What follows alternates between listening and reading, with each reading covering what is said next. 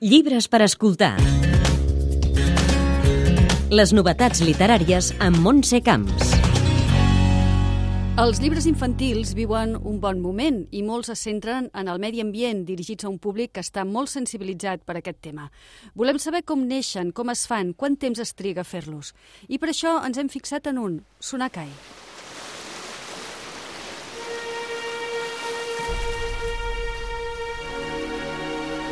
La Sunan i la Kai són dues germanes que viuen en un temps inconcret en una illa de plàstic, des d'on es capbussen al mar, convertit en un abocador i pràcticament mort, per buscar algun objecte valuós per vendre'l als mercaders.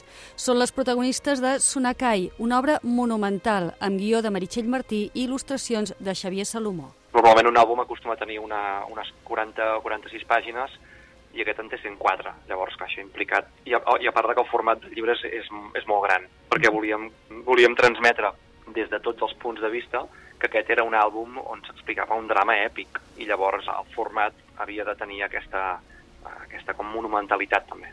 La Meritxell i el Xavier han fet més de 40 llibres junts, com els contes del gatet Mishimu, els bestsellers Bon dia i bona nit, amb més de 100.000 exemplars venuts, i la més recent, Sota les onades. El 2019, després d'anar a un acte de neteja de platges a Formentera, van voler parlar de com el llançament indiscriminat de plàstics està asfixiant el mar. El resultat és aquest Sonakai, que ha suposat 3 anys de feina, que, com sempre, s'ha fet de manera paral·lela a quatre mans, com expliquen tots dos. Com un sol cos amb dos caps i quatre mans. Diguem-ne que hi ha dos mans que, que escriuen i dos mans que, que il·lustren, però mm, és com que ens hem anat fusionant en la forma de treballar, perquè són molts anys de fer-ho, de pràctica, d'enfadar-nos, de, d'il·lusionar-nos, no? i d'anar trobant una manera que al final és com que ja va sortint sola. Efectivament ha sigut un repte per, per part dels dos, perquè és la primera vegada això que afrontàvem un llibre d'aquesta magnitud, i a més a més el llibre s'ha realitzat amb, s'ha fet amb aquarela, això ha implicat gairebé un, una, un, un procés de feina gairebé de 3 anys, amb totes les anades que, i vingudes de, de guió, de finals, de, de posar-nos d'acord eh, en com resoldre segons quins temes. L'editorial Flamboyant s'ha encarregat de publicar-la i n'ha fet una tirada de 1.500 exemplars en català i 3.000 en castellà.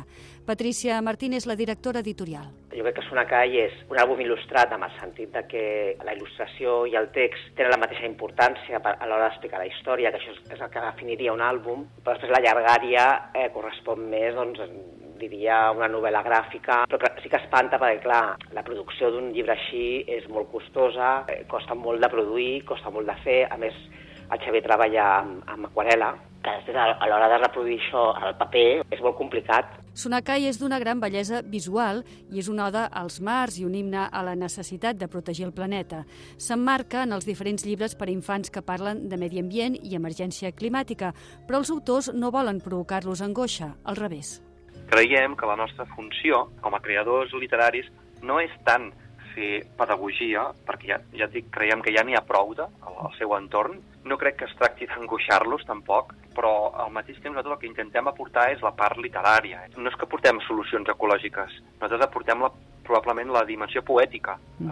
a l'apropament poètic a aquestes problemàtiques. Tot plegat, un llibre de qualitat dins d'un gran grup d'obres per nens també tots de qualitat. Tots tres coincideixen a dir que el sector de literatura infantil viu un molt bon moment, tot i que, això sí, hi ha una sobreproducció.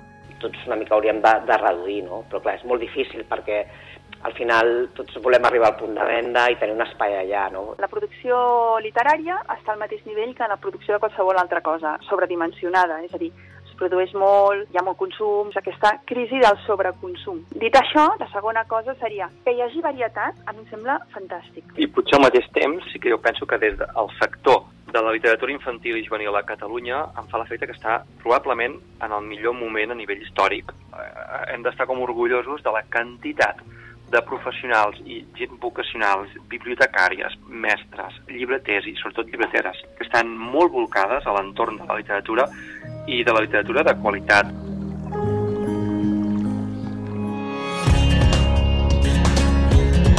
Llibres per escoltar. Les novetats literàries amb Montse Camps.